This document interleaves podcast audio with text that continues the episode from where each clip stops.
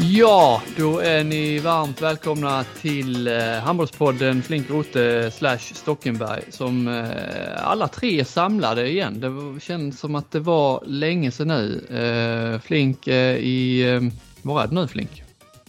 Nu är jag i Ljubljana i Slovenien. Okej. Okay. Stockenberg i Småland och jag är hemma i Kristianstad. Och det väntar ju Nej, vi har ett äh, rätt gött schema idag. Det handbolls pågår för fullt. Vi spelar in fredag morgon här så vi är fullt uppdaterade.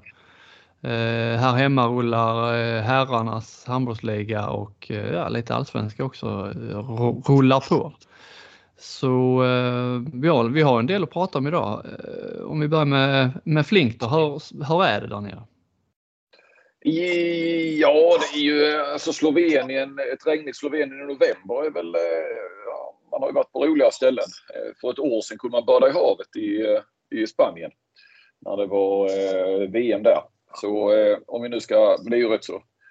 Det skiter ju lyssnarna i hur, hur vädret är. Men eh, annars så är det, en, eh, är det bara bra. Det är ju kul med massor med, massor med handboll och en ynnest att få vara på plats eh, på, ja, från start den här gången. Det var ett tag sedan. Jag var ju, skippade ju början på dam-VM där med de här skrattmatcherna. Och innan dess så missade man ju rätt många mästerskap när det var pandemi där. Så att, eh, ja, jag var på OS i och för sig. Då blev det jäkligt mycket handboll. Men, eh, nej, bor ju på eh, spelarnas hotell här. Eh, det är ju också ett officiellt mediahotell så vi var ju många i den svenska presskåren som bokade detta och sen fick vi ju veta att, ja jag tror jag fick veta det nästan när jag kom hit till Slovenien till Sälje då att, att här i Ljubljana då när, när mellanrundan och finalspelet avgörs så eh, skulle vi alltså bo på det där lagen bor.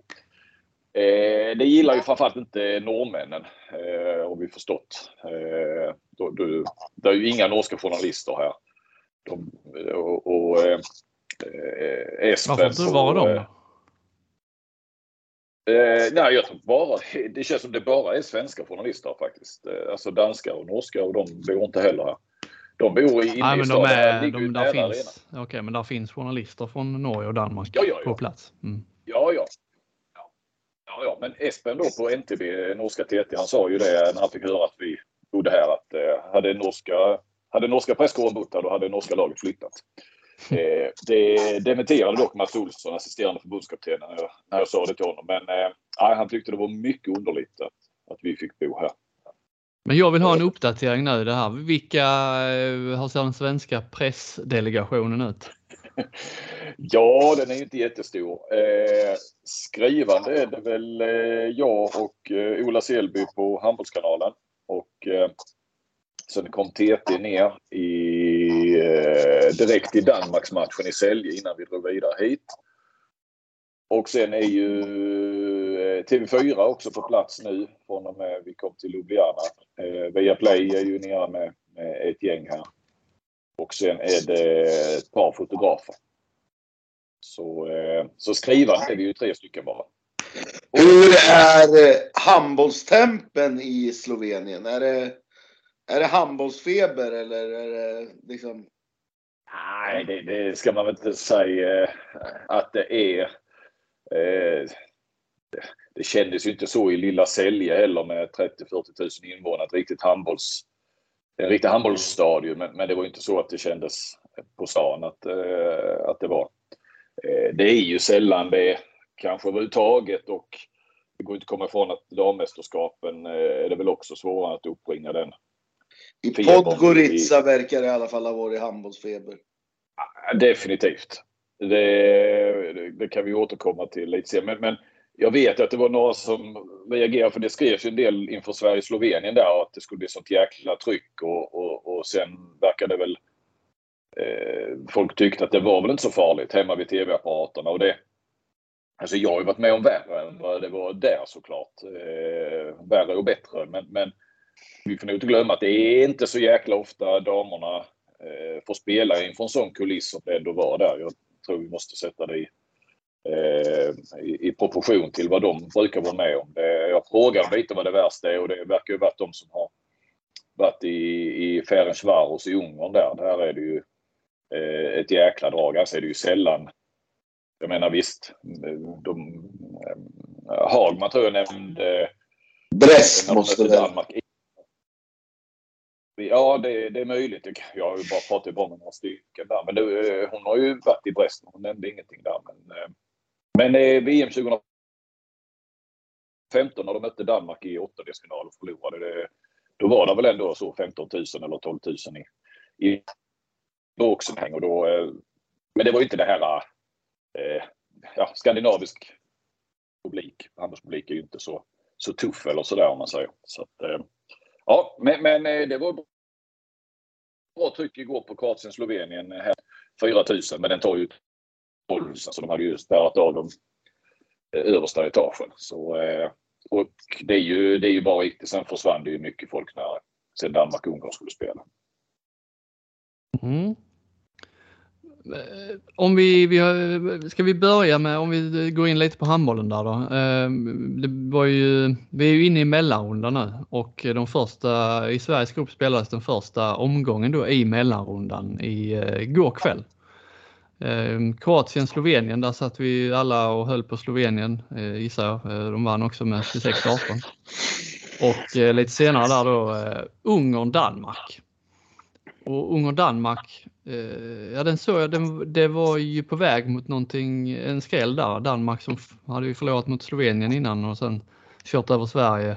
Var på väg att förlora mot Ungern. Eh, jag försökte liksom sätta mig in ordentligt och se vad folk skrev och hade skrivit och lite så. Om det hade varit bra eller dåligt för Sverige eller om det hade betytt någonting alls. Eller jag, jag, jag är fortfarande inte helt klar över, nu förlorade Ungern så vi behöver kanske inte vi behöver inte mala det för länge, men eh, hade det varit bra om de hade vunnit mot Danmark eller hade det varit skitsamma? Ja, det är klart det hade varit bra. Eh, för jag menar, Ungern ska ju inte vara något hot. Slår, slår man inte Ungern sen som, som i Sveriges fall så har man kanske inte i en semifinal att göra. Eh, för då hade ju Danmark varit tvungna att vinna båda sina matcher Eh, alltså då, då var jag tvungen att slå Norge för att hamna upp på den där eh, inbördes möten som vi hoppas att vi får med Slovenien på. Eh, så länge nu inte Sverige slår Norge i, imorgon. Men, men eh, det är ju det, det troliga scenariot är ju det ju. Eh, kanske hoppet för Sverige om man nu förlorar mot Norge. Att vi hamnar på sådana här treboll inbördes möten mellan Slovenien, Sverige och Danmark. Då vet vi ju att Sverige är vinnaren där. Så att det hade väl varit jättebra om eh, Ungern hade slagit Danmark. Så det hade varit, det hade varit bra alltså. Ja men det är bra, då vet jag ja. det. Ja, då vet du det i efterhand. I efterhand. uh, såg ni han, Ungerns förbundskapten, Vladimir Golovin? Uh, har han förändrades? Det var uh, under matchen, alltså matchens gång. Han var ju väldigt så uh, välkammad och ren och fin i långa stunder under första halvlek. Andra halvlek förvandlades han till någon slags eh, svettbomb på, på, eh, på bänken. Såg ni hans eh, förändring? Bildbyrån hade, sånt här, eh, hade tagit rätt många bilder på honom under matchens gång. Jag satt och filade på att jag skulle skriva en krönika efter matchen om Ungern hade vunnit och hade ett bildspel klart med hans eh, förvandling. Alltså han borde ju byta vaxtillverkare. ja. Tror han hade vax då? Ja, det har väl alla ungrar, har de inte det? eh, ja, nej, men så det var ju den. Men, men, samtidigt om vi ska glida över lite på Sverige som kanske är det intressantaste för alla som lyssnar. Eh, så Nej, det är det. Ungern är mer intressant, Flink. Den ungerska tränarens förvandling under match. Ja. Det är det alla bara komma... sitter alla har ju suttit på helspänn hemma nu och bara undrar om det. Analysen av den ungerska. Eh, men eh, man, man, kan ju se det som så att va, va, hur, hur, bra är, hur bra är Danmark då egentligen? Förlorade mot Slovenien och höll på att förlora mot Ungern och däremellan avfärdade de ju Serbien. Det säger kanske inte så mycket men tog ju trots allt en övertygande seger mot Sverige. Eh, sen får liksom Axner och de säga att hade matchen varit 10 minuter till så hade Sverige vunnit. Ja, vi ska inte glömma att Sverige, eh, Danmark hade väl sju måls ledning med, med några minuter kvar eller så. Va? Att Sverige snyggade till det. Kanske berodde lite på att Danmark slog av på takten också. De blev ju aldrig riktigt hotade. Eh, ja, ska vi bli lite oroliga här? Eh, var frågan står? är väl lite hur bra Sverige är, liksom om Danmark. Ja, det var det, det, var det jag kom till nu. Ja, okej. Okay. Mm. Ja, bara ja, Förlåt. Nej, Förlåt. men ja. Nej, men där är frågan. Hur bra är Sverige? Nu kan du ta vid Robin. Ja, nej, det var jag som ville ställa frågan. Ja, men då tar jag den som expert då. Ja. Alltså så här är det ju. Alltså, Sverige kan i sina bästa stunder absolut röra de här, eh, alltså. Jag, jag, tycker i alla fall det, det är två lag som sticker ut. Det är Norge och Frankrike. De är en klass för sig. De vinner 9 av 10 matcher mot alla andra. Och så vinner Norge 7 av 10 mot Frankrike. Eh, sen känns det ändå som att Holland, Danmark, Sverige och eventuellt någon sån här Balkanlag om de får ha hemmaplan kan störa de här lagen i, i, i vissa och, och de kan slå varandra inbördes hur som helst. Det är lite dagsform att Danmark slog Sverige. Det är inte alltid Toftar 80 procent liksom en halvlek. Nej. Så, så jag skulle nog säga att det är så. Alltså att Sverige kan i sina bästa stunder när de har träff och de får flyt i sitt kontringsspel, lite räddningar själva. Så kan de slå de här, ja varannan match, Danmark, Holland, eh, Slovenien, eh, Spanien, ja, Tyskland etc. etc. Och sen mot de här bästa lagen så, så måste de ha fullständig fullträff. Det, när de möter eh, Frankrike och Norge och de måste ha en lite sämre dag helt enkelt. Där tror jag Sveriges status ligger någonstans. Ja, jag Eh, håller med dig på så vis. Jag hade väl hoppats och trott och det är det, det där jag känner lite att, att fråga. Jag, jag, tycker det är liksom ingen, det är absolut ingen skam att förlora mot Danmark med i, i slutändan tre mål. Men att, nu vet jag inte om du var som du has, ha, hasplade ur det så, men, men, att Sverige ska vinna varannan match mot Tyskland, Spanien och de här. Det, där hade jag ju hoppats och trott och kanske tror fortfarande att Sverige har tagit ett steg upp här de senaste mästerskapen med en fjärdeplats och en femteplats. Att, att man ska ligga där någonstans, att man kanske snarare ska slå eh, Tyskland och Spanien och den kategorin eh, 6-7 gånger av 10. Eh, nu är vi inne på små marginaler. Men, men eh, och Danmark är det kanske, ja på förhand var väl egentligen Danmark favoriter, alltså innan EM började. Alltså, da, så, så här, Danmark är ju egentligen, om man tittar spelare för spelare och tittar vilka klubblag de är i, vilka roller de har i sina klubblag så ska ju Danmark vinna över Sverige. Det är ju inget, det är ju mm. liksom inget konstigt.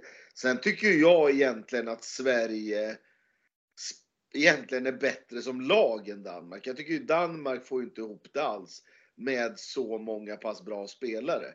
Jag tyckte inte egentligen de var jättebra mot Sverige heller.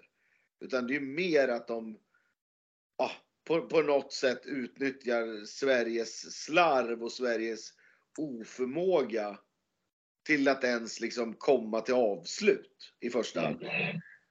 Eh, det är inte så att Danmark spelade någon drömmanboll. De gjorde 13 mål och då var det väl liksom 5-6 hon Östergård snodde bara så hon var helt fri. Liksom. Mm. Eh, så jag, ja. Där vart det en kollektiv kollaps, bara den halvleken. Så dåliga är ju inte Sverige egentligen.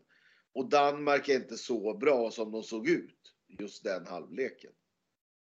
Jag tycker det man har sett av Sverige är ju att de, eh, den, den lilla analysen jag har gjort är att de har liksom eh, rätt bra spelare. De har tillräckligt bra spelare för att vara med här eh, som du säger Flink och slå de här Spanien, Tyskland och 7, 6, 7, 8 gånger av 10. Sen liksom eh, det här som har blivit så himla, det har ju blivit viktigare och viktigare, alltså det här, ta rätt beslut. Att det är liksom där är vi inte på samma nivå som de bästa lagen. Det är för många, om man säger det fysiska kunnandet tycker jag är väl så bra. Men det här med det som sitter ovanför axlarna där med att ta rätt beslut i rätt läge, där har snurrat till sig helt, särskilt mot Danmark då, men jag tycker man sett det i många andra matcher med att att de liksom tar fel beslut i fel läge rätt ofta. Men alltså min analys är ju att vi saknar spets på 9 meter. Alltså Jamina är alldeles för ensam. Eh, och de här bästa lagen står ju med 2-3 på henne och så låter de de andra skjuta. Alltså, och så låser de in Blom på mitt sex. Ja. Och så låter de Jenny Karlsson, Petrén och Lindqvist och de här. Alltså, de skiter i princip i dem från 9 meter. Mm. Det, det, det, ja, den, den köper jag rakt av där. Ja, det går ju inte. Det, folk börjar väl undra vad, vad jag har emot Petrén för jag tror nästan satt ett plus i sådana här slutbetyg i tre mästerskap i rad nu. Eh, 2021, eh, eller ja det var ju två stycken eh, mästerskap 2021. Och, ja, hon är ju på väg att hamna där igen. Eh, på den nivån och jag, jag spådde ju redan tror jag efter OS att eh, om, om hon ens skulle komma med mer. Eh, och hon har ju alltså, och nu har ju Axnér gett henne rollen som den som ska styra 6-5-spelet. Eh, Men där det, är det ju så, där, där tas det liksom fel beslut ja, hela tiden. Det, ja, jag, ja, jag fattar. Men jag, och det tror jag att Axnér antydde i, i någon så, i, i, efter en träningsmatch här nu mot Tjeckien i SVT att, att, att försöka få in Petrén i den här rollen som ja, joker är kanske taskigt men, men eh, den här mindre rollen att komma in och göra sitt. För det har jag ju hört sedan länge tillbaka att, att, när hon är som bäst, det var ju när hon spelade, om det var i, jag blandar ihop de där, var det Horsens eller sånt och då hon kunde ha 18 skott. Hon, hon hade ju liksom ett patronbälte som var obegränsat och, och gjorde mycket mål men, men hon sköt också 18-20 gånger eh, per match. Och det är då hon är bra så att säga. Alltså, så, så var det kanske för låg procent men, men att hon måste känna det förtroendet för att vara, eh, för att vara bra. För det har hon ju inte riktigt haft i landslaget och det har ju, hon har inte fått det att lossna sen den här, när hon kom liksom lite grann från ingenstans i VM i Japan 2019. Eh, och sen har det då, eh, ja, vi skrev ju snabbt då, är det den nya Guldén då, för då, då visste vi att Guldén var på väg att och, och sluta och att hon då skulle ta över på mittnio och sådär. Men det, sen kom ju Jenny Karlsson och sen har hon ju då blivit Nej, men, ja, ja. Det, men, men, det är väl det som det handlar om att någon mer där på nio meter måste få den här träffen. Typ som, ja, som Max ner nu fick sist i andra halvlek. Mm. Att det är någon som tar det här. Alltså Lindqvist, hon kommer ju aldrig göra det. Hon kommer ju vara stabil och göra 2-3 och stå ganska bra bakåt. Hon har ju inte den toppen liksom. Eh, utan de måste ju hitta den där tredje 9 spelaren som liksom någonstans gör skillnaden. Ja, och sen det är klart att Nina Dano skulle väl i och för sig vara då ett, eh, att äntligen få en vänsterhänt högernia efter alla de här olika nödlösningarna mer eller mindre med högerhänt eller med Hagman upp på, på 9 meter som det var för 5-6 år sedan och eh, Ida Odén för länge sedan. Då gick det bra något mästerskap där och sen har det ju varit Emma Lindqvist har gjort det jättebra. Men ah, alla som vet lite om handboll vet ju att det är ändå en begränsning av en högerhänt högernia. Och nu och innan dess så var det ju, vad heter hon, Majsan Johansson. Eh, Helt plötsligt bara sitter man och längtar efter Anna Maria Johansson. jo, men, men jag menar det var ju inte framtiden ens då för eh, vad det nu är, 8-9 år sedan. Hon var väl närmare 30 då. Eh, så det var ju också lite av en, inte nödlösning men, men eh, ja, nej men det är ju... Och så trodde inte Katarina Arvidsson, Schrifi. Ja, och då är vi 22 år bak i tiden. Precis. Men, men det var ju därför man tänkte då Dano att eh, så skulle hon ju bevisa sig eh, såklart här. Och det gjorde hon ju inte i första matchen. Eh, och hon verkar ju svårt när hon kommer snett in i det i början så har hon svårt att ta sig in i en match. Fick hon inte chansen i andra matchen och sen är hon borta. Eh, så eh, där tappar de ju såklart en. Nu får man ju se vad Kopang, men det är ju ingen heller du kan lita dig mot i, i, i en match mot Norge. Men så det är klart, de har blivit lite begränsade där. Men jag, jag håller med. Alltså, Emma Lindqvist är jävligt nyttig, jäkligt bra. Eh, men jag har ju tyckt att hon ska spela mittnia. Nu har han ju hållit Jenny Karlsson före och nu kommer Emma Lindqvist få bli då den här högernian. Men det, jag köper helt att Roberts är för ensam. Eh, och visst, Tyra ner här nu i framtiden. Det, det, är inte heller någonting att bygga, jo, bygga på för framtiden men det är ju inte någonting du lutar dig heller mot i, mot Norge. Eh.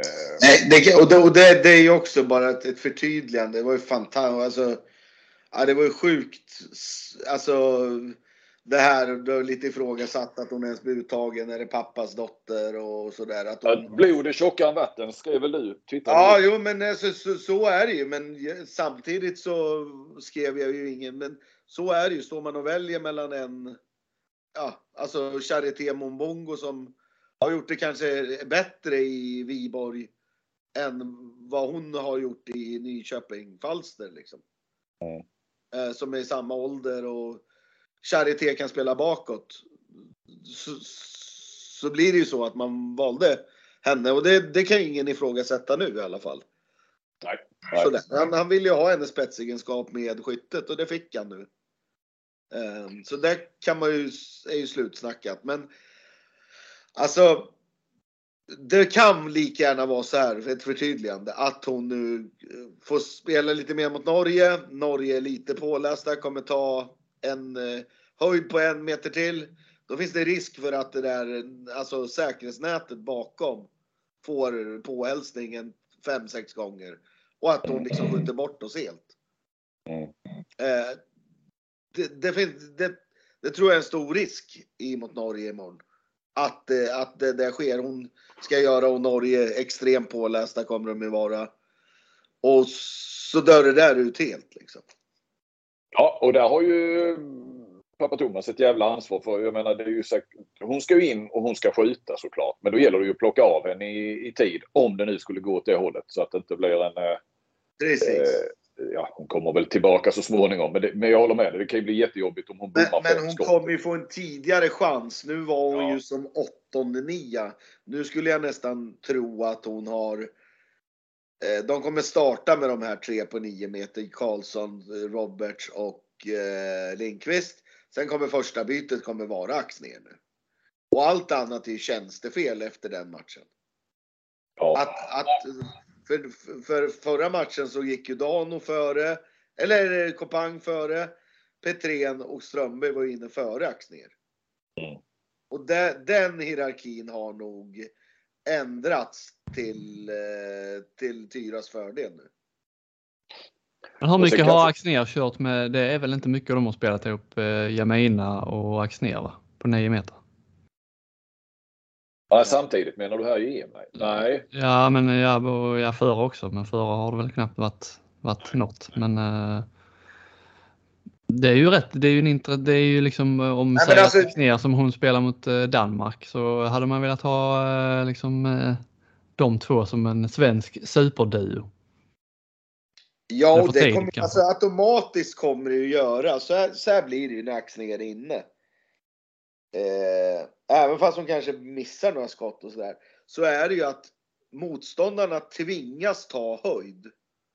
Automatiskt kommer Lindblom få lite större yta. Automatiskt kommer Jamina få lite större luckor att gå i. För att de är tvungna att lyfta på henne. Mm. Så, så, det så på ju... det sättet så är det ju ja. jäkligt intressant. Ja, för de, de, vi har ju trots allt en av världens bästa linjespelare framåt. Och, och, och det, det, har de, det, det utnyttjar de inte. Det kan de inte eller får de inte utnyttja på något vis. Med bara ett gäng eh, eh halvdistans duellspelare på 9 meter. Det, alltså, det är precis som du säger, hon isoleras ju något otroligt och det, det har du ju motståndarna råd att göra ju. Att isolera ja, blod. precis. Och särskilt när Jenny Karlsson, alltså hon träffar mål det här mästerskapet. Den. Känns som att hon bara skjuter utanför eller i stolpen hela tiden. Ja. Eh, där är ju också, även om hon, eh, hon spelar i Brest, hon spelar en hel del eh, Champions League och så vidare. Men, men, det är ju inte, det är ju inte, hon är inte på den nivån som eh, Jamina Roberts och, och, och, och Linn Blom och så vidare. Men det är ju klart att Jenny Karlsson måste vi ändå kunna önska mer av eller kräva mer av eller förvänta oss mer av. Och det här, ser, det här ser man ju nu. Det är det som skiljer bra spelare och riktigt bra spelare. Det är ju det här att ta det där klivet från att kunna gå in och vara en fjärde nia och göra det ganska bra och inte ha något som helst press eller någon som helst liksom förväntan på sig. Från att då vara den här startspelaren där man förväntas leverera Alltså, man måste vara på jobbet varje dag liksom. Går du in som fjärde 59 och gör dina 7-8 minuter per halvlek. Det kan du göra liksom utan, helt utan press. Nu har ju hon den. Det är ju nästan så att han ger ut stafettpinnen varje mästerskap till någon. Det har varit Petrén något mästerskap, det har varit Strömberg något mästerskap. Det har varit nu Jenny Karlsson. Och det är ingen som riktigt liksom tar den där stafettpinnen utom Karin då i OS. Ja, nej. Det, den, ligger där, den ligger där på bordet. Men det känns som att ingen vill riktigt greppa den. Liksom. Eller ingen av de där tre har riktigt den stabila förmågan till att kunna axla det ansvaret. Men, men den här nu matchen mot Norge, det är ju en rätt god match egentligen för att det är liksom trots att vi är mitt i en mellanrunda och alla matcher är, borde vara livsviktiga. Denna är ju inte liksom, jag visste det är ju en jättebonus om Sverige skulle vinna men det är ju liksom inte så att det vi, går, vi åker ut eller uh, världen går under för om det skulle bli förlust. Alltså allting är ju bara fortsätter ju. Så chanserna ja. är ju lika goda fortfarande även om de skulle förlora. Ja, inte lika goda för de är ju ja, men, mycket goda om, om Sverige vinner. Ja. Och, och, Sverige har ju faktiskt tagit poäng eller vunnit till och med mot Norge i den här typen av matcher lite mitt i turneringen som Norge liksom inte har varit klara för någonting. Den har betytt någonting för Norge men de har också haft råd att förlora den för sen har de gått till final varenda gång ändå. Det har de faktiskt de gånger Sverige tagit poäng. Och vunnit finalen också tror jag tre och fyra gånger. Alltså, de, kan, de, kan, de, kanske tar den Norge, han islänningen. Nej men vi torskar idag för det är, det är så vi brukar göra. Ja. Nej men det, det, är ju liksom ett läge där, där det har gått tidigare. Eh, vill inte ha, alltså såklart det vill väl alla hellre ha Norge i en sån här match än i en semifinal. Eh, eller kanske till och med än i, i, än i en bronsmatch. Så, eh, eh så absolut, det är inte Norge med kniven på strupen. Och Sverige har inte heller kniven på strupen vilket säkert är bra för Sverige. Eh, så eh, ja. Nej, alltså det är klart, det är klart Sverige kan Alltså, de, de har de flyt i sitt kontringsspel och det är någon mer på nio meter får flyt och sådär och ja, Hagman har lite bättre utdelning och så, sådär. Så det, det, det, är klart de kan liksom pressa Norge, det säger inte jag. Ja. Men det, Vinna målvaktsmatchen kanske. Så ja, klart. precis. Mm. Så, ja. Vi ska inte ge upp det, den tanken, men givetvis så blir det ju svårt. Jag tror ju mer på den andra. Att man slår de andra två lagen och sen att Slovenien gör sitt jobb mot eh, Ungern. Ja. Och eh, jag tror, alltså. Danmark kan också slå Norge, men det, det, Norge är så pass mycket bättre än de där lagen så de kommer vinna, vinna sina matcher. Ja, och Norge är ju inte som eh, om ni minns när Sverige mötte Ryssland i EM 2018 eh, i en sån här match som Danmark kanske då får mot Norge i, i sista omgången. Då sket ju Ryssland Sverige vann ju med 10 mål tror jag mot Ryssland och Hagman gjorde 18 och kontrade in och de backar ju inte hem ens ryskorna. Eh, så ser vi ju aldrig Norge och Norge, det vet jag, jag har pratat med norskorna om och det har det skrivits för. Alltså de vill ju inte eh, de vill ju inte tappa liksom den här rytmen och, eh, och så. Även om även om de skulle vara klara så vill de ju bara fortsätta att trumma på. De, Framförallt så är det väl det som har gjort dem till världsledande, att de alltid går före och, och alltid och därför så har de den respekten av motståndare, av domare, av allting, att de alltid bara kör. Mm. Det har ju blivit, det är ju deras framgångsrecept nästan. Mm. Eh, så där tror jag inte heller. Och, och det sista Norge vill, det är att förlora mot ett kaxigt Danmark. Liksom. Ja. Det, det, då tror jag hellre de förlorar mot Sverige. På, på det sättet liksom. Mm, de, mm. eh, Danmark, det är ju det sista, det är det mest avskyvärda folk som finns liksom. När de... nu tar du ett helt folk. Svenska spelare nöjde sig med det, med det danska landslaget. Jag kan förstå lite grann vad de menade också. När man såg danskarna sen. Det finns mer själv, självgott folk än danskar när det går, när de har flyt. Nej. Alltså, jag har i alla fall inte träffat ett värre folk. Nu får jag hela jävla Jylland och Fyn efter mig här. står det danska aktivister här på Postgatan i Alstermo imorgon.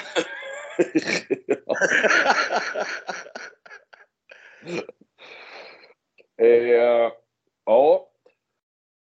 Det har ju hänt, eh, eh, om vi går vidare lite där eh, Flink, eh, då, framförallt två saker då som piggar upp mästerskap. Det måste pigga upp även för dig. Eh, två sådana här udda händelser utanför för själva match, det här vanliga matchtugget. Eh, eller ja, eh, Tyskland-Spanien incidenten eller vad man ska kalla det, det har väl med match att göra i och för sig, men det är ju en, det är sån här klassisk eh, läggmatch får man väl kalla det eller eh, hur skulle du liksom summera hela den historien? Ska jag göra det så? Nej, läggmatch är väl fel. Eh, vi ska ju inte glömma, det fanns ju ingenting ja, uppgjort. Ja, vi ska ju, det var ju, fanns ju inget uppgjort på förhand och Tyskland ville ju vinna matchen. Sen så hamnade de ju i ett läge där. Framförallt Spanien hamnade i ett läge, men, men också Tyskland på sätt och vis, eh, sista minuterna. Eh, så, eh, men de gjorde ju de gjorde inte det så snyggt. Det här att hon jublar när, när eh, Tyskland gör mål och, och det sättet de kastade, hon kastade den 10 meter eh, i väggen. Nej, men... men vad har vi sett i sammanhanget här nu? Spanien mötte Tyskland och vad var förutsättningarna? Det bästa vore för Spanien vore om de eh, vann med två mål för då eh, gick de vidare med två poäng. Jag tror det var till och med så här, alltså de, de, de skulle vinna, alltså vinna med två, det var det absolut bästa. Men mm. hade de släppt ett visst antal mål, då hade det ändå inte räckt. För då hade Tyskland på något sätt eh, ja. ändå vunnit. Ja, sådär. Ja, och sen var det ju... Och, och, för, och hade Tyskland torskat med tre, då hade Tyskland varit ur. För då hade Polen gått om Tyskland. Och då hade inte Spanien ja. fått med sig poängen. Nej, då hade inte Spanien fått med sig de två poängen. För de förlorar mot ja, Polen. Sen så, så hörde jag någonting om att om, om Spanien, men det orkar jag inte kolla upp för det var ju efterhand, långt efterhand. Men att om Spanien bara hade vunnit med ett så hade de, de till och med kunnat ryka då. Nej, det kan väl inte vara möjligt. Kan det vara så? Jo, jag tror det. Ja. Eh, så, så eh, och då ledde ju Tyskland med, eller då ledde ju Spanien med tre bollar. Tyskland hade anfall, 50 sekunder kvar. De gör ett tekniskt fel. Eh, spanjor, eh, en spanjorska tar bollen och hivar iväg den eh, ja, 10 meter utanför målet. Eh, 10 meter över också kanske, lite överdrivet. I, Men i det är en jäkla sinnesnärvaro liksom måste jag ge ja. ändå Spanien. För de var ju, det är första gången man sett ett lag som har fått ett tekniskt fel med sig nästan blir förbannade att domarna blåste. Ja, ja. Och så får Tyskland ett eh, nytt anfall eh, och då är vi nere på en halv minut kvar ungefär. Eh, de släpper utsida två eh, rätt så liksom tamt och Tyskland gör mål. Då har ju Spanien de här två målen och då sträcker ju en spanjorska eh, händerna mitt på planen, sträcker händerna eh, upp mot taket och jublar i en sekund innan hon kommer på sig själv och snabbt drar ner dem. och skäms lite grann. Eh, och sen kom ju, sen var det lite timeout och sista halvminuten där eh, och eh, Spanien brydde sig inte ens om att avsluta utan spelade ut eh, tiden och jublade. Tyskland, tyskarna visste ju inte riktigt vad som gällde då, det såg man ju på dem. De stod ju där och, och visste inte om de skulle jubla eller om de var ute eller vad, vad som hände. Sen så såg jag ju här i dagen efter lite senare, så igår kväll då, så hade eh, danska TV2, man måste ju hylla dem, de, de är en fantastisk bevakning av. De tar, tar ihop varenda ämne och de eh, kontaktar IOF och de pratar med då i detta fallet den spanska förbundskaptenen och ställde honom mot väggen. Och han är ju liksom helt... Eh, han menade att, att eh, eh han hade förklaring till att hon jublade och, och, eh, det fanns liksom ingenting. Han erkände inte någonting. Det är möjligt att han var oskyldig men han kunde väl ändå se att spelarna visste ju vad som gällde i varje fall. Eh, för jag pratade med Mats Olsson eh, igår om det och han menade att som tränare hade vi aldrig sagt någonting, men vi hade ju också vetat att spelarna visste. Eh, det är klart som fan man måste veta förutsättningar när man går in för ja. en sån match. Alltså ja, men att, när man då ser detta och sen spanska förbundskaptenen hävdar att, att det fanns ingenting medvetet i detta. Det låter, och att de inte släppte Tyskland till liksom frivilligt till ett skott i slutet där och så vidare. Det, ja, det var ju lite barnsligt. Men, det är nästan eh, bättre, det, det är bättre och rakare och man hade väl, då hade det kanske inte blivit sån sak. Felet är ju att hon jublar Eh, och att de liksom dementerar att de inte ens eh, visste knappt. Ja. Ja. felet, är väl, felet är väl från början ja, spel, ja, alltså, spel, spelsättet eller den här uppbyggnaden av turneringen. Så är det ju. Men, men annars köper jag ju, jag vet ju Stocken du har varit ute, jag köper alla dem att alla hade väl gjort så i Spaniens läge. Eh, rent, eh, sen när man hade försökt göra det snyggare såklart. Jag är till och med lite starstruck. Det är en av mina bästa tweets någonsin. Jag fick till och med en like av Henrik Möllgård. Ja. Vad var det då du skrev? Att alla hade gjort eller vilken Nej, men alltså jag, jag, förstår inte varför folk är arga på Spanien. Liksom, nej, nej. De gjorde ju, eh. de gjorde ju det i princip alla skulle ha gjort. Ja, alltså, och, och polackerna har ju inte heller förebrått Spanien egentligen. Nej, nej. Alltså... Så de har ju också varit eh, liksom, sen så har de väl antytt att det kunde sköts, sköts snyggare och sådär men eh, ungefär vi hade kanske gjort likadant. Eh, mm. Eller försökt göra likadant. Eh, så, så, eh, sen så men vad tycker ni om det då? Är det, för det, är det så eh, vi, vi sitter här och skrattar nu och liksom, ja, det var smart gjort. Ja, men ska det, det, ska det liksom vara så här? Det har ju hänt flera fast. gånger ju i EM eh, genom åren. Eh, jag kommer ihåg Robert Hedin om han var förbundskapten i Norge eller i Österrike. Jag tror att det var EM 2010. Eh, då snackade jag med honom. Då råkade, han, jag tror han var i Norge. Råkade de ju ut för precis samma grej och han, han rasade ju då. Det var väl kanske också egentligen mot systemet så att säga.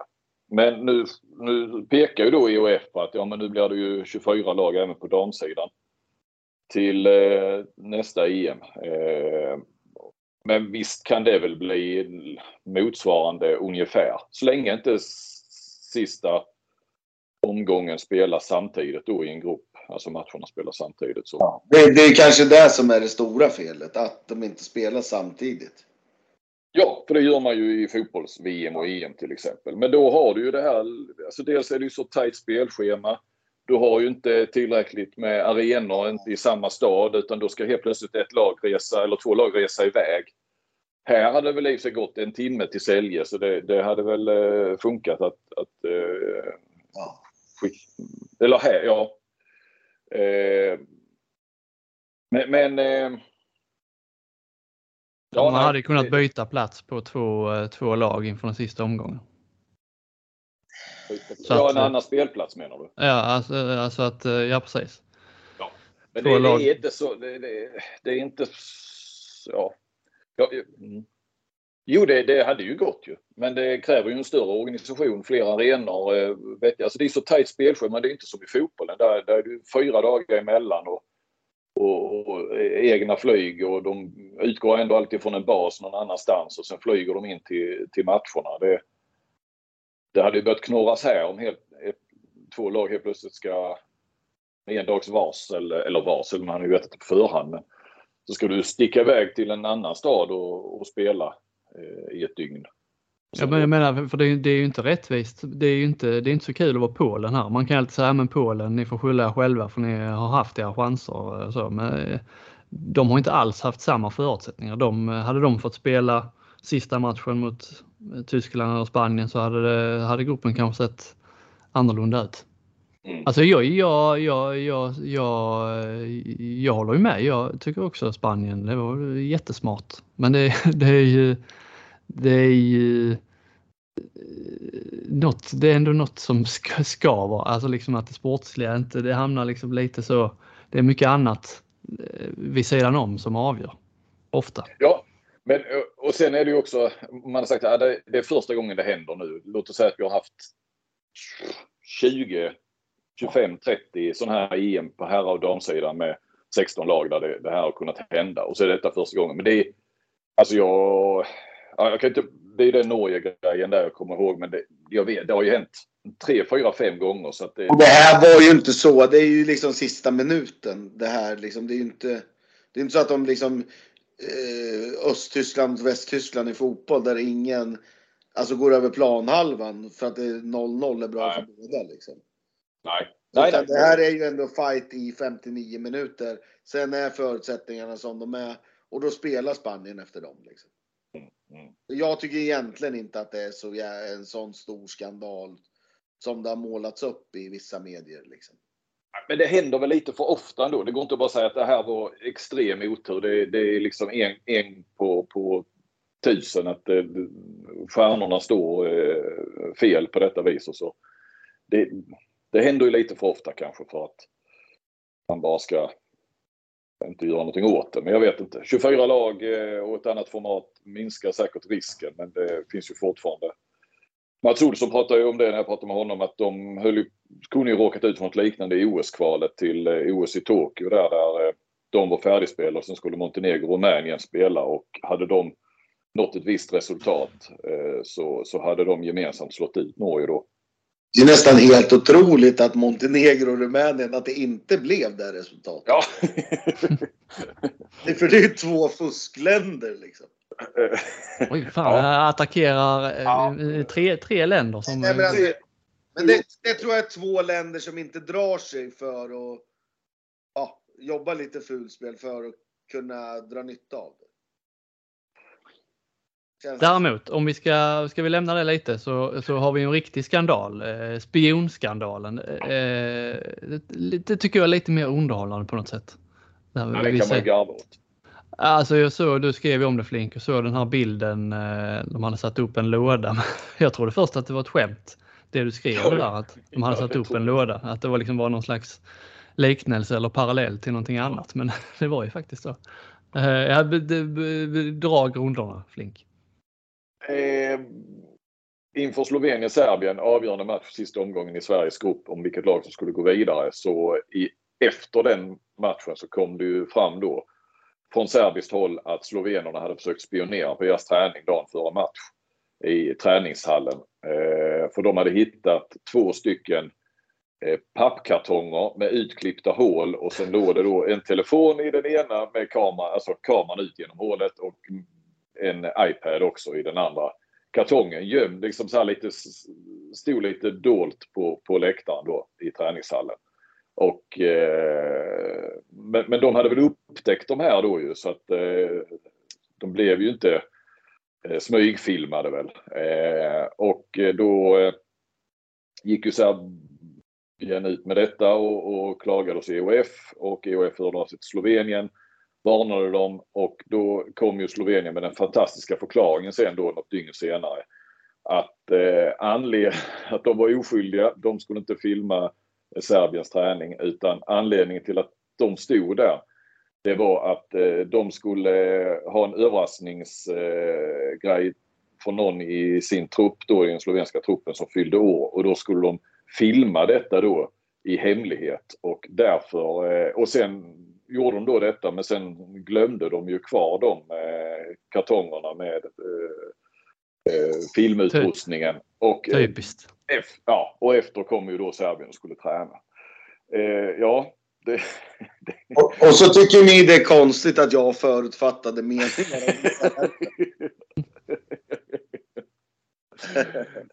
ja.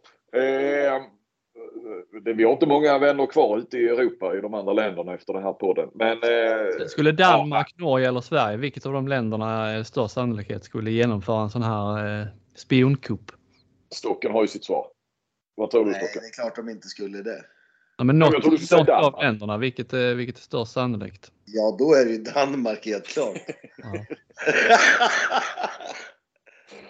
ja, det är, ju, det är ju ingen som kan tro på den här. Jag menar, om de nu skulle filma det där, alltså vem glömmer kvar sin telefon? Vem, jag vet ju alltid var jag har min telefon. Uh, ja, det gör inte stocken. Nej. nej. Nej. men det är ju ingen som kan tro på det. Alltså det är ju det som gör det ännu roligare också, den här bortförklaringen.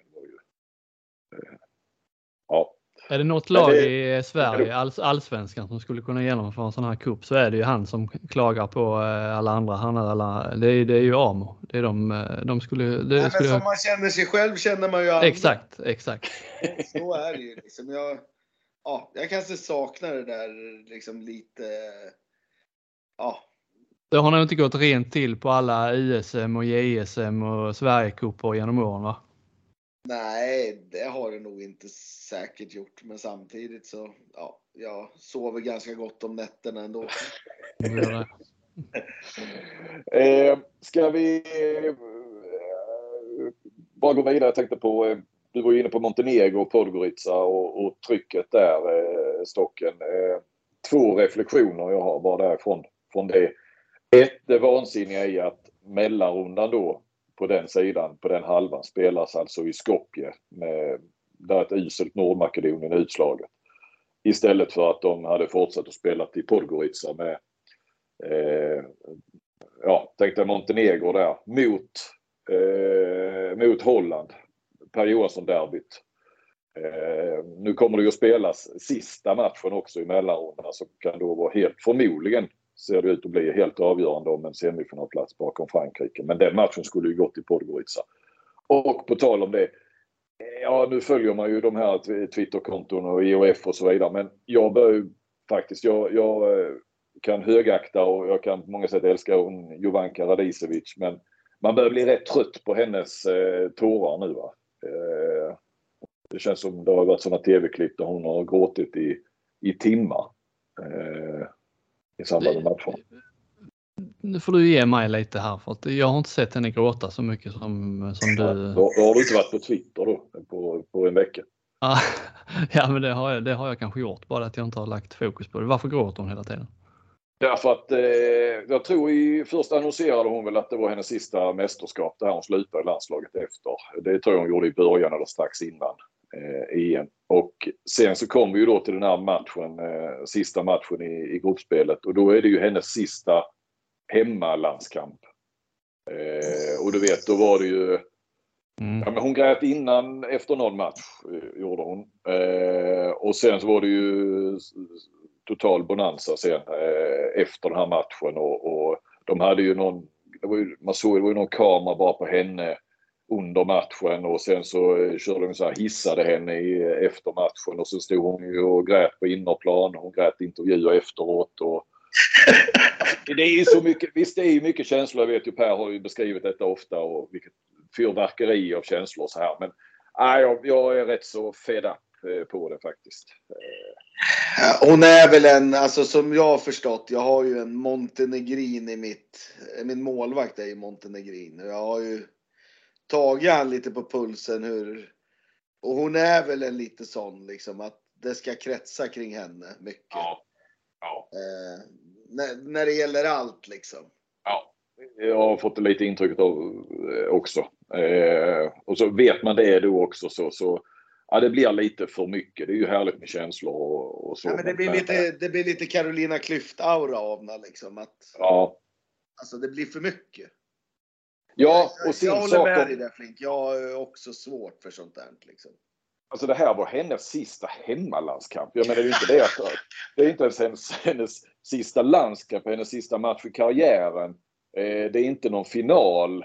De har liksom inte heller eh, förlorat så hon går och liksom blir blåst på någon eh, stor match till sist eller sådär. Utan ah, hennes sista hemmalandskamp. Jag, ja, jag vet inte. Jag tror inte det var inte samma sak när eh, Wislander hade spelat sin sista hemmalandskamp eller Staffan Olsson eller eh, Kim Andersson. Det visste vi kanske inte då att det var den sista hemmalandskampen. Eh, det var tur att det inte var Kim. Han hade gjort det varje gång för då hade han fått göra det fyra gånger om efter alla sina landslagscomebacker. Du hade flink sågat i podden. Sluta böla Kim. Har vi sett fanskapet gråta för sista gången?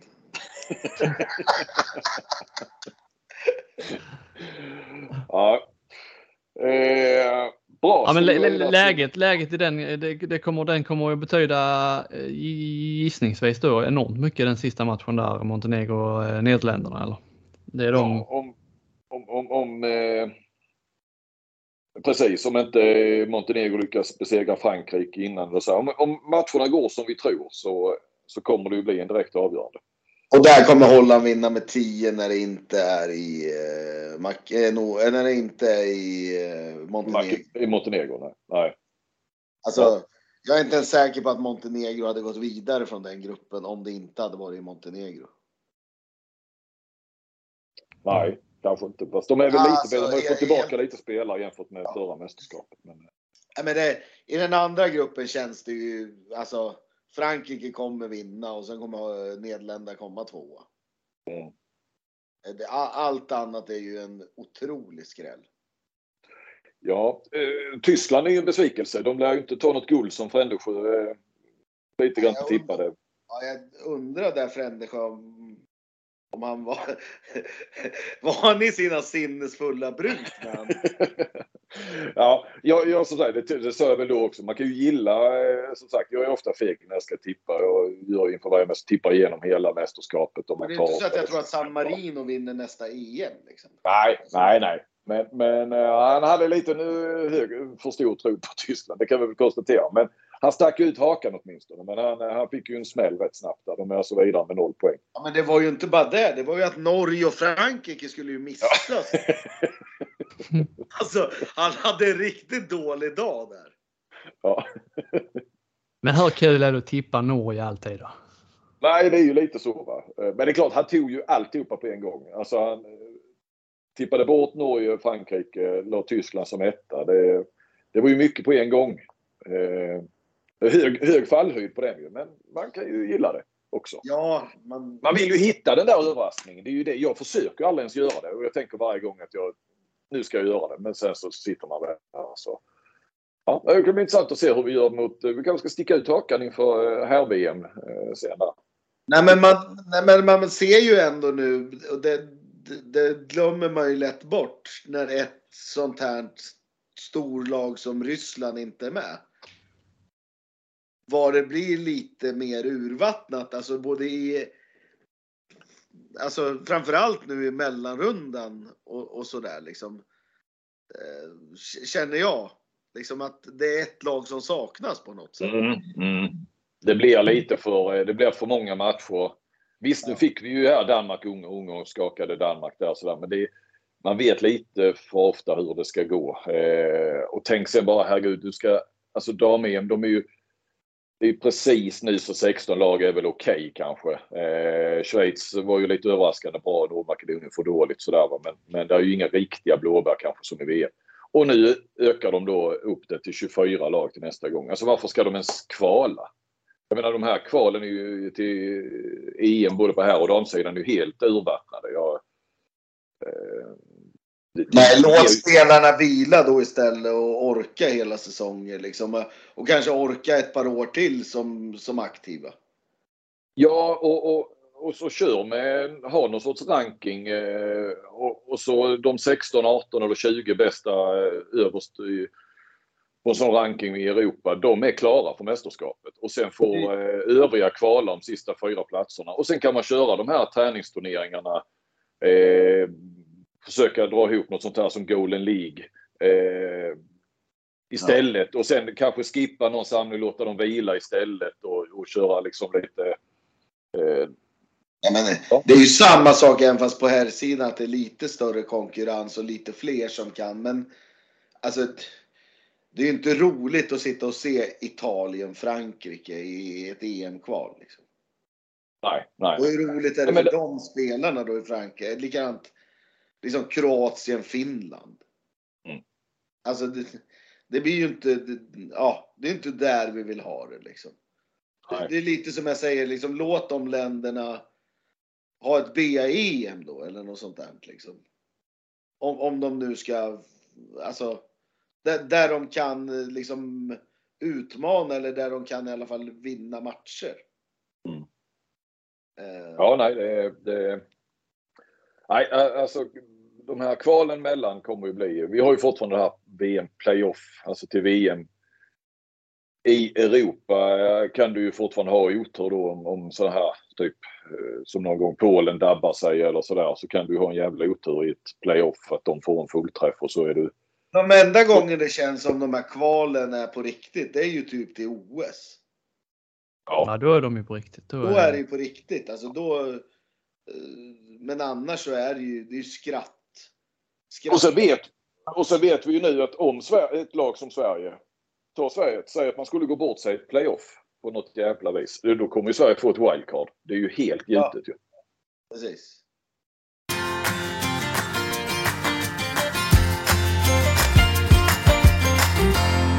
Ska vi prata lite om handbollsligan också?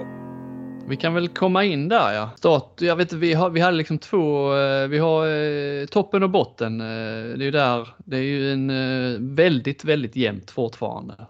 Alla slår alla förutom om vi ska börja i toppen om med Kristianstad som har tio raka segrar nu. Bästa säsongstarten sedan Jamali-säsongen 15-16. Bästa för något lag alltså. Och det, framförallt det man går och väntar på nu är ju eh, nästa onsdag när Sävehof möter Kristianstad på hemmaplan. Det blir ju bara tydligare och tydligare att det är eh, än så länge är det de lagen det kommer att stå mellan. Vinner Kristianstad på onsdag så är det väl i min bok är det ju i princip klart att, att de vinner serien och det är ju rätt tidigt. Eh, man kan säga det. Kristianstad är ju bättre än på flera år men ändå inte så bra så att man tycker att de borde ha eller leda serien så här stort redan nu. Eller? Stocken, du hade ju en liten genomgång. Eh, Nej, men alltså jag, ja, de, de har ju alltså, Särskilt nu när Sävehof har sina två, tre bästa gubbar skadade också. Så har ju Kristianstad en trupp som är liksom ja, så, som, som är överlägsen i den här serien. Ja, de har liksom inte behövt imponera. Men de, de har kunnat... Äh... behövs, känns det som i matcherna och vinner ganska betryggande. Ehm, det, men det är ju snarare liksom, du kan ligga fyra genom att ha vunnit hälften av matcherna. Efter mm. tio omgångar. Det är ju helt otroligt nästan. De är Nej, det... ligger fyra och de har förlorat hälften av matcherna. Där som OV ligger liksom näst sist, vinner de två matcher så kan de vara uppe på eh, fjärde plats. Jag, jag, tycker ändå nu det börjar skönjas som man trodde. Även fast det är jämnt poäng, om man tar bort poängen så är det ju liksom ändå. Det, det kommer till slut inte bli några överraskningar ändå. Det kommer bli de där åtta lagen. Ja, står kanske mellan Guif, Lugi och Hammarby, vilka som kommer till slutspel. Sen kommer det ändå vara de här som man trodde Aranäs, RIK, Rebersli, ja, Helsingborg. Som är där nere till slut ändå. Det lutar väl åt det. Och ja. ja, det, det, man vill säga med det, det är, ju, det är ju ändå att de här bottenlagen tar mer poäng än de brukar. Mm. Det brukar alltid vara efter tio gånger något lag sladda med två poäng. Typ som RIK förra året. Nu har de ändå, de ligger sist visserligen, men de har ändå tagit tre segrar. Av tio liksom. Det är ju det som är lite jobbigt som vi sa väl där när Aranäs var det som tog en del, framförallt i början och kanske tagit något sen. Nu har jag inte tänkt med riktigt att ja, de, eh, när de hade, vad de, de var uppe på tredje plats efter eh, fyra omgångar eller någonting. Att, ja men nu har de ju nästan säkrat platsen här. Eh, för de har tagit, ja, ja nästan lika många poäng som de gör på en hel säsong annars. Men nu gör ju alla lagen det där nere så det är ju lite ja. jobbigt för. Och men det är det som är roligt. Alltså, jag håller med där Robin vill komma att det är dålig klass på ligan. Ja. Eh, men den blir otroligt intressant. Det är ju liksom ångestmatcher varje omgång i serielunken. Mm. Varje match blir ju som en VM-final för de här lagen. Liksom, det är inget lag förutom Kristianstad och då kanske Sävehof. Alla andra är ju liksom piskade att vinna nästa, alltså nästa match hela tiden. Och det, det är det som gör det roligt.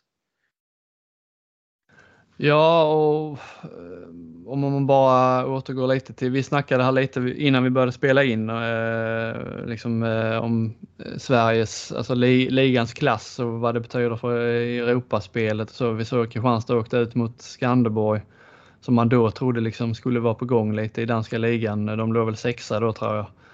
Eh, men då liksom pratet då var att ja, men de kommer att lyfta. Nu har det liksom gått ännu sämre efter det. De, de ligger nia. Kristianstad åkte ut mot danska ligan, nian. Sävehof, Montpellier inte så mycket att säga om. Öysta IF har ju inlett svagt i European League och eh, ja, det är väl inte mycket som talar för att de kommer att ta sig vidare där. Alingsås kommer ju åka ur nu i den kuppen. De fick ju AIK Aten. De är ju ganska bra. Ja. Nej, liksom ett dåligt år i handbollsligan, alltså ett dåligt generellt år för, för svenska lag. Det, det, man har ju med sig detta sen i tre år, de här europeiska prestationerna. Det är lite trist. Så. Vad skrattar du? Vad skrattar du? Man säger, man säger så. Ja, det är dina Europapoäng. Ja. Ja, men det, har, det, det, är ju det, det är viktiga grejer, Flink. Ja, ja, ja. ja, ja. Alltså, det är, det är roligt faktiskt. Ni, Flink, det, det är mycket landslag. Robin, du det är klubblag och det är Europa, Europamatcher. Och jag, jag är lite mer inhemsk. Ja, ja. ja vi, vi kompletterar ju varandra ja, på ett fantastiskt sätt. Varandra.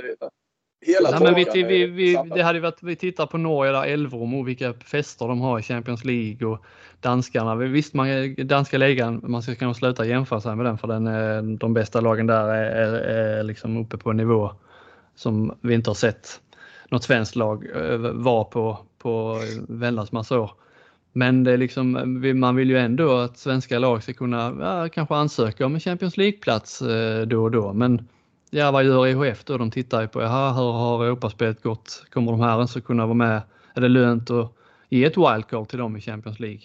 Tittar man på tidigare säsonger, åkt ut där, kval, inga lag eh, går vidare ens i, i, i European League. Alltså det... Men, men, det är nästan större chans, risk att Norge får med två lag än att Sverige skulle ha ett lag. Vadå i, i Ystads grupp har Valor från Island vunnit två matcher?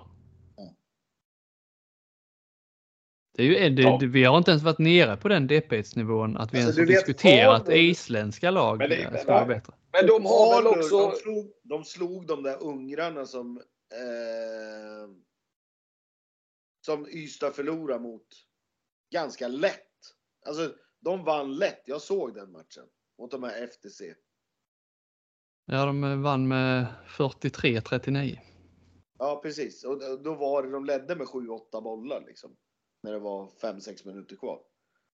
Så, mm. ja. Så isländska eh, ligaettan tror jag skulle hålla sig bra i svenska ligan. Så Danmark är långt borta, Norge har passerat. Ja, vi ska kanske inte gå så långt och säga att den isländska ligan är bättre än. Nej. Flåsa oss i nacken. Mm. Nej, det är den inte, men den, ja. Nej, det, Nej. Det, är ju, det är ju klart att det är ingen bredd i, i Island och, och nu verkar de fått ihop ett bra gäng ja, där. Liksom. Nu har de ju fått hem lite de där Waller, han Björgvin i mål och alltså de, de har ett par som har flyttat hem lite äldre. Mm. Eh, sådär så. Men du, du snackar om det här med Europa-ranking och poäng och sånt där Robin. Sen slutar det väl det här med wildcard. Det handlar väl om att ha en LED-skylt och, och så, så i slutändan. Ja, ja, ja. Och men du måste ha lite meriter ju. Ja, ja, ja. ja. Ja, vi har ju gamla meriter. Kan vi inte leva på gamla? Nej, men li, lite så här, jag, jag, är ju lite trött på typ, eh, alltså jag gillar det Elverum har gjort och att de har mycket publik och en gång varje år så fyller de något i Lillehammer och sådär. Nu, nu vann de i och för sig sist, men alltså när man är med där varje år så vinner man aldrig. Alltså det, måste ju, det finns ju andra lag som är mycket, mycket bättre. Liksom. Ja, ja. Nej, menar men... Elverum inte... Nej, alltså att de är för dåliga sportsligt. Vad fan ska de spela där liksom? Det, det, det är ju gubbar som liksom... De är okej okay i handbollsligan, de här Hedberg och Fingren och sådana där. Men eh, Daniel Blomgren liksom. Men ja, det, för mig rimmar det inte riktigt liksom. Vad ska de springa där för? Det hade varit bättre att de var med i Europa League de hade väl kunnat haft de festerna ändå. Eh, men där hade de kanske sportsligt kunnat gjort någonting. Ja, ja, European League är ju, är ju, det är ju en rätt rolig turnering nu för tiden. Absolut, det håller jäkligt bra klass vissa lag, liksom med Flensburg där och, och sådär. Liksom Montpellier och ja, etc. etc. Magdeburg förra året och ja, nej, ja, jag blir lite sådär liksom. Vissa lag är bara med liksom. Trots att de inte kan liksom tävla sportsligt. Nej, men sen är det väl, jag fattar, men eh, om man kan tycka så är inte eh, trean i Bundesliga eh, platsar där. Men å andra sidan så vill vi väl heller inte ha någon Super League med bara lag från ett fåtal länder. Det finns väl ändå en vits med att, att, eh, att det är med lag från Norge eller Sverige eller så, även om man är kanske chanslösa. Så. Alltså. Och jag menar, de, de fyller ju inte den här hallen i Lillehammer när, när de spelar i Europa League. Det är ju ingen risk. Men jag fattar vad du menar. Ja. Eh, RIK slog ju eh, i botten där då, RIK slog OV och eh, liksom ger sig själva en chans igen där i bottenstriden. De kändes ju borta ett tag. Men eh, du såg den, de har ju han Nöje där, eh, vad heter han nu? Vasko Sevaljevic. Så heter han. Och din bedömning var, som jag förstod det, att han var bra? Eller väldigt Ja, alltså. bra. Nu spelar de inte, alltså han spelar bara en 10 minuter i första och då de ledde med 4-5 redan innan han kom in. Men eh, i andra spelade han väl lite mer och var otroligt stabil. Han gör 4-5 mål och väldigt bra i de här övertalsspelen och klok, liksom någonstans en liten pappa som de här kanske Joelsson och den här yviga polacken. Skytteligaledaren. Jag såg att han ledde skytteligan. Iljakiewicz, eller vad heter han? Ja, hur säger man detta? Då säger man eh, Shimon. Eh, eh, sen lät det bra det du sa där efternamnet. Ja. ja. Nej men alltså RIK, jag tror med den här värvningen att de kommer ändå kunna vara med Ove Aranäs och kunna undvika den här sista platsen. Det tror jag faktiskt. Med, med det här nyförvärvet. För det här kommer ändå bli att de andra lyfter sig lite också och ett hot till. Inget illa om Linus Lövgren och Nakor Medina men det är inte direkt så att lagen skiter på sig i matchgenomgångarna när de två står som mittnior. Liksom. Eh, Narko Medina saknades i laguppställningen eh, efter det här omskrivna eh, bråket kan man väl kalla det med tränaren Marinko. Ja, vad tror vi om honom? Är det, det heter väl att han är halvskadad nu men Ja, men det, det jag, jag, jag, tror, jag tror inte Nakon Medina kommer sätta sin fot igen i handbollsligan med RIK den här säsongen. Och inte nästa säsong heller. Det är mitt ja, jag, har, ja, jag hörde något om att eh, de har bett honom söka sig vidare. Ja. Eh, I varje fall, eh, jag vet inte om det var från klubbledningen eller var det kom ifrån. Så att säga. Och det, och det, det är så pass mycket har jag, eller känner, men alltså. Det, Marinko lägger inga fingrar emellan där. Liksom.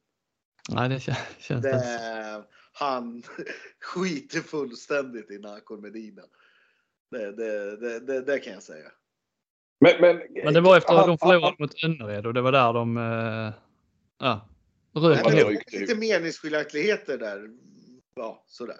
Lundin hade väl till och med sagt att eh, nu sticker jag. Eller han förnekar ju det men eh, enligt GP så, så ska det ha förekommit något sånt att han jag lämnar klubben eller.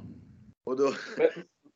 men, men, det där har ju hänt titt som tätt med narkomedi. Ja, nästan i varenda klubb. Ja, du tar vi väl i, han har ju representerat otroligt många klubbar.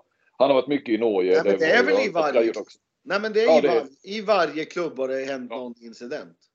Men då måste ju, det måste ju Marinko känna till då eftersom han båda har varit i Norge i många år. Eh, eller ja, Narko var ju där i några klubbar. Alltså, kan, samtidigt kan... står man där i augusti, man har kanske två 9 meters spelare han kommer in, sugen, ja, men vi ger han en testträning, han ser skaplig ut. Vad fan gör man? Man vill ju ändå liksom få ett hyfsat slagkraftigt lag. Liksom. Ja, men jag tror också att Marinko kanske varit så iskall att eh, han vet att förmodligen eh, hamnar vi i det läget att, att det blir någon schism. Men då har vi ändå haft nytta från det. Det är bra. Tre, tre månader får vi två, en bonusmånad, tre månader. Okej, okay, då har han eh, gjort nytta under de här månaderna och sen så och, och ska man det, vara ärlig så Ystad, borta, Ystad borta, det är två bonuspoäng som Nakor var med och bidrog med. Mm. Eh, så, ja, han hade väl en riktigt bra inledning där precis i början. På absolut. Så det är ju, men, och Marinko kände ju till, alltså fan, han har ju varit tränare i Norge och det är väl både i Elverum och Drammen det gick åt helvete för Nakor. Liksom. Mm. Eh, sådär så. Det var nog, det låg nog i planen. Ja, ja men det är lite det jag är inne på. Att han, eh, det, ja. ja. och, och sådär. Så. Men det, ja, jag, jag, tror ändå om vi går tillbaka där till RIK att eh, liksom det kommer bli ett tre slag där om den här sista platsen med Ove Aranäs till slut. Det är jag helt övertygad om. Nej, jag är inte lika övertygad om att Aranäs kommer att vara med där nere. Jag tycker de ser, eh, för, det vet ju. Ja, ja. De kommer att ta Mal många... Malmö ligger ju där nere nu Kommer Malmö att klättra då? Inte till slutspel eller? Men det känns ju så. Jag såg dem mot Sävehof där de liksom borde ha vunnit men klantade till men det själv. Är, där är också, där luras man hela tiden. Ja, man gör väl det. De lagen som möter Kristianstad och Sävehof ser alltid bra ut. Jag tycker alla lag Kristianstad har mött som de har uh, slagit ja. med 4-5 bollar ja, är ja, rätt okej. Okay. Önnered, de såg ut, alltså de såg ju fantastiska ut mot Kristianstad. Alltså, men jag tror att det är just att de bjuder upp till en handboll, både Kristianstad och Sävehof, så att motståndarlagen ser bättre ut på något sätt. Mm. Alltså det blir fart och fläkt i matcherna, det blir inte så destruktivt liksom. Takt, alltså, det, det är klart det är taktiskt när Sävehof och Kristianstad spelar, men inte på samma sätt ändå. Liksom. De, de kan i sin taktik även spela bra handboll. Mm. Medan när det är två liksom brunka-gäng som möts så blir det så extremt låst och så extremt destruktivt allting. Eh, jag kan köpa det. Eh, får jag lägga ett litet bete så får jag se om någon av er hugger. Eh, Mattias Helt Jepsen hade lagt på sin Facebook med någon slags generalsågning av både Riksidrottsnämnden och, och svensk handboll som helhet kan man säga. Eh, jag snackade lite med honom om det och det var det här med Brännberg. Jag fick ju sin dom halverad typ va? Ännu mer kanske? Ja, halverad. Halverad. Eh, Helt Jepsen var ju mycket kritisk mot det här med om man jämförde eh, Brännbergs dom eh, han gillar ju Hanisch då Helt Jepsen så det var ju det han jämförde med. Eh, Hanisch är avstängd två år för att ha tagit något preparat.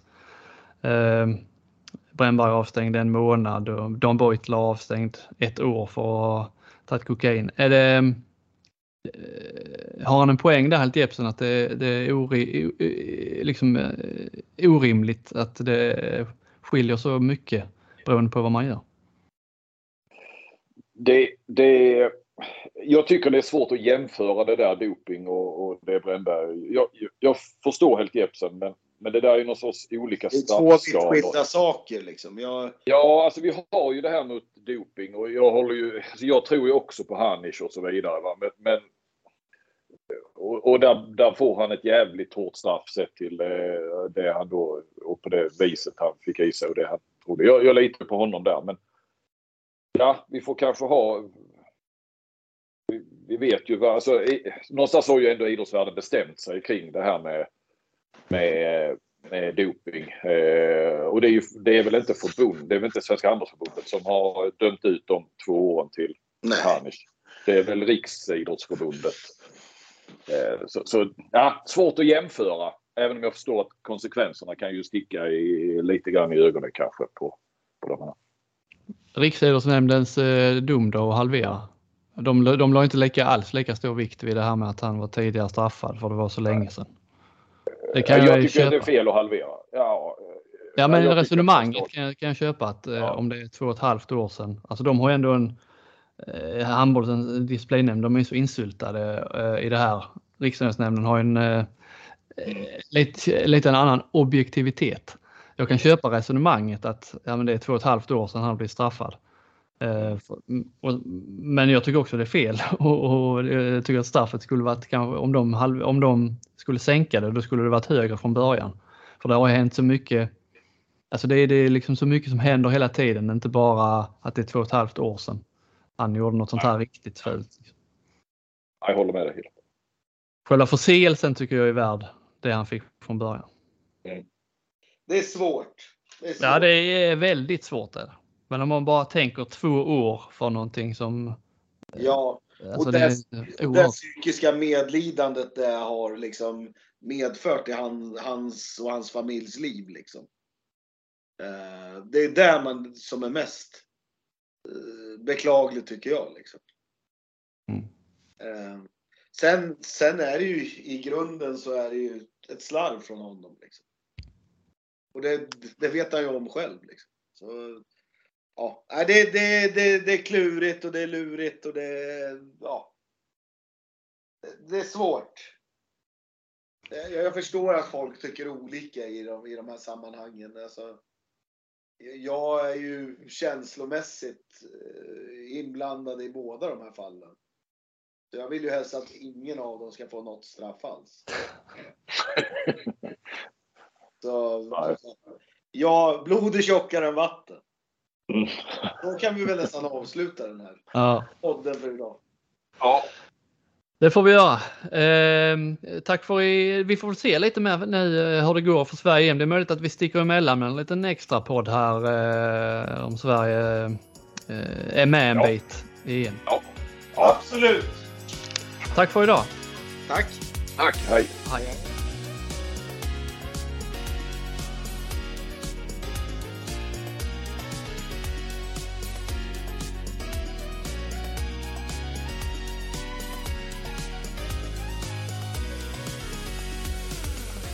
Du har lyssnat på en podcast från Aftonbladet.